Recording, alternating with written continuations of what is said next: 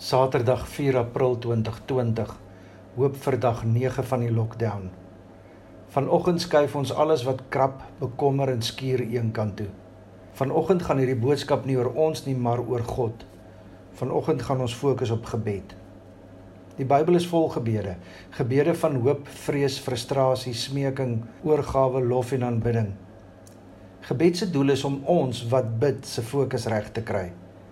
Gebed is nie om vir God aan die beweeg te kry of om God energie te gee om iets te doen nie. Gebed is om my begeertes en my behoeftes voor God te kom plaas om daarmee net weer my ons afhanklikheid van God te erken. Ons is so klein, so nietig, almal breekbare kruike stof. Alles wat ons is en het is net genade. Psalm 90 vers 1 tot 3. Here, U was vir ons 'n toevlug van geslag tot geslag voordat die berge gebore is, voordat U die wêreld voortgebring het, ja van ewigheid tot ewigheid is U God. U laat die mens sterwe. U sê net word weer stof. Psalm 8 van vers 4 af. As ek U hemel aanskou, die werk van U vingers, die maan en sterre waarin U 'n plek gegee het, wat is die mens dan dat U aan hom dink? Die mense kind dat U na hom omsien. Psalm 103 van vers 13 af. Soos 'n vader hom ontferm oor sy kinders, so ontferm die Here hom oor die wat hom dien. Hy weet waarvan ons gemaak is en hy hou dit in gedagte dat ons stof is. Die mens, sy lewensduur, is soos die van gras, soos die van 'n veldblom wat oopgaan. As die woestynwind daaroor waai, is dit weg en sy plek vir altyd leeg. Maar onverganklik is die liefde van die Here. Dit is eers wanneer ons besef dat die mense planne op niks uitloop nie, dat ons almal maar breekbaar is, dat ons kan begin begryp wie God is. Voordat jy met God praat, moet jy jouself eers leegmaak. Leeg van haat, vooroordeele, oordeele, gruwe, leeg van jou eie geregtigheid, leeg van jouself. Jy moet eers weer besef dat voordat jy met God praat, jy op heilige grond is. Jy sê nie, jy smeek. Jy verdien nie, Jy's afhanklik. Jy is stof. Hy is skepper. Jy sondaar. Hy vergewe. Jy gee nie vir God raad nie. Jy gee nie vir God rigting nie. Dit laat my dink aan Job se stryd met God. Job het gedink dat hy presies weet hoe God behoort te reageer en behoort te doen. En dan kom Job uiteindelik tot die gevolgtrekking dat hy self dwaas is. Job 42 van vers 1 af. Daarna het Job vir die Here gesê: "Nou weet ek dat U tot alles in staat is en dat U kan uitvoer wat U besluit. Wie is dit wat U bedoelinge wou dwarsboom sonder dat hy die insig gehad het? Ek het oor dinge gepraat wat ek nie begryp het nie. U wonderdade was te groot vir my. Ek het dit nie verstaan nie. Ek verstaan nie eers my vrou nie. Hoe kan ek dan nog enigsins dink dat ek God se wil verstaan?" En daarom moet ek myself leegmaak van myself wanneer ek bid. Dit gaan in die eerste plek oor God. Matteus 6 van vers 5 af. Verder as jy bid, moet jy nie soos die skynheiliges wees nie. Hulle hou daarvan om in die sinagoges en op die straathoeke te staan en bid sodat die mense hulle kan sien. Dit verseker ek julle, hulle het hulle beloning klaar weg. Nee, as jy bid, gaan na jou kamer toe, maak die deur toe en bid tot jou Vader wat jy nie kan sien nie. Jou Vader wat sien wat verborge is, sal jou beloon. Wanneer jy bid, moet jy nie soos die heidene 'n stortvloed van woorde gebruik nie. Hulle verbeel hulle hulle gebede sal verhoor word omdat hulle baie woorde gebruik. Moet dan nie soos hulle maak nie, want julle Vader weet wat julle nodig het nog voordat julle dit van hom vra. En dan sê Jesus vir sy disippels: So moet julle bid. Ons Vader wat in die hemel is, laat U naam geheilig word. Laat u koninkryk kom. Laat u wil ook op die aarde geskied net soos in die hemel. Gee ons vandag ons daaglikse brood en vergeef ons ons oortredings soos ons ook die vergewe wat teen ons oortree. En laat ons nie in versoeking kom nie, maar verlos ons van die bose. Eers die erkenning dat God nie soos ons is nie en dat hy heilig verhewe en tog ons versorger is. Ons Vader wat in die hemel is. Hy's nie 'n onbekende, veroordelende God vir ons nie. Hy's ons Vader. Hy's lief vir ons. Hy versorg ons. Hy beskerm ons. Hy weet wat ons nodig het nog voordat ons dit kan vra, omdat hy in ons lewens betrokke is. maar ons moet hom met respek en eer hanteer, want hy is nie op ons vlak nie. Hy's in die hemel, verhewe bo menslike emosies en geite. En daarom laat U naam geheilig word in die wêreld, maar veral in my denke, in my dade, in my lewe, in my gesindheid, in my verhoudings en in my lewensingesteldheid. Alles wat ek is, Here, laat U naam daardeur geheilig word. Dit vra vir my 'n daaglikse oorgawe, bekering, terugdraai na my Vader se wil. U die pottebakker en ek die klei. Dit vra vir my 'n daaglikse keuse, want as ek my aan God oorgee en toelaat dat sy naam in en deur my geheilig word, sal ek kan vra laat u koninkryk kom. Nou gaan dit nie meer oor my nie, Here, maar oor u. Nie my koninkryk nie, Here, maar u koninkryk.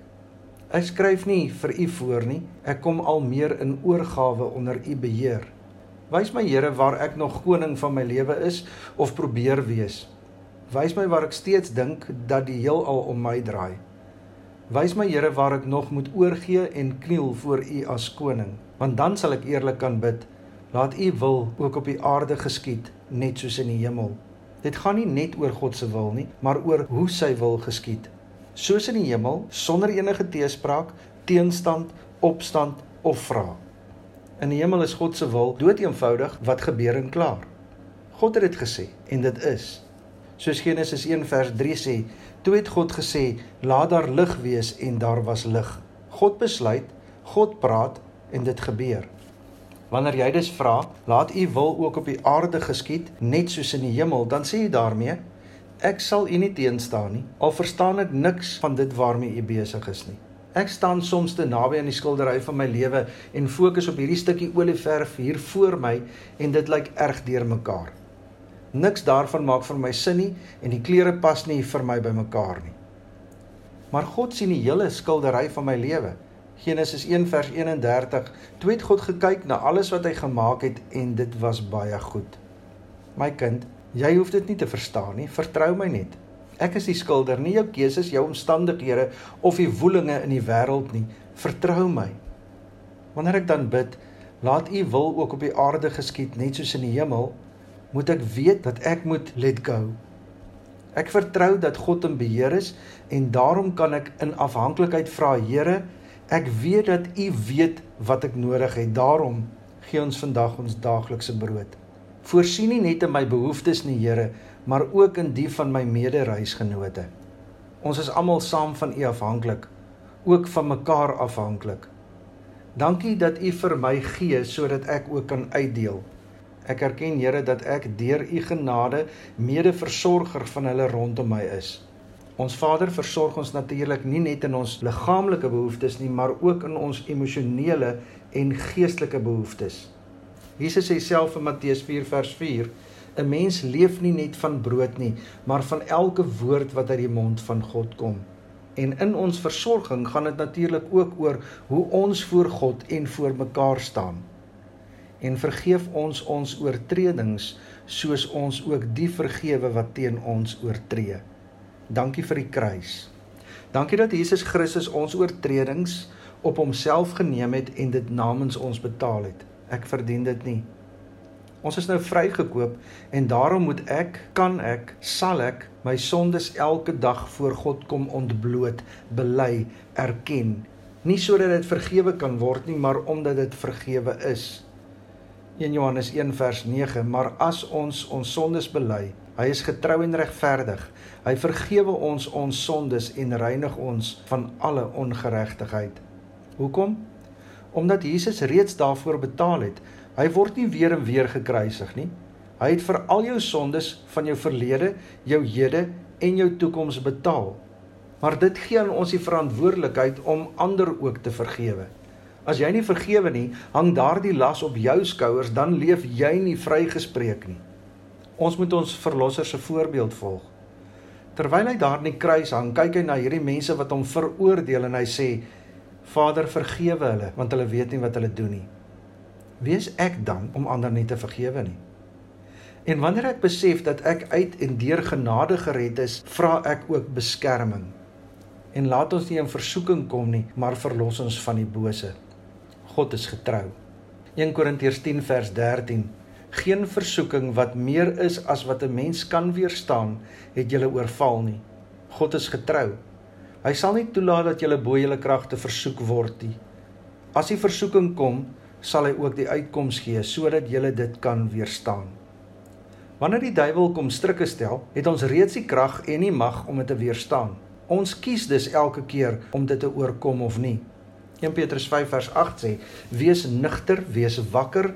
Julle vyand die duiwel loop rond soos 'n brullende leeu op soek na iemand om te verslind. Bly standvastig in die geloof en staan hom te."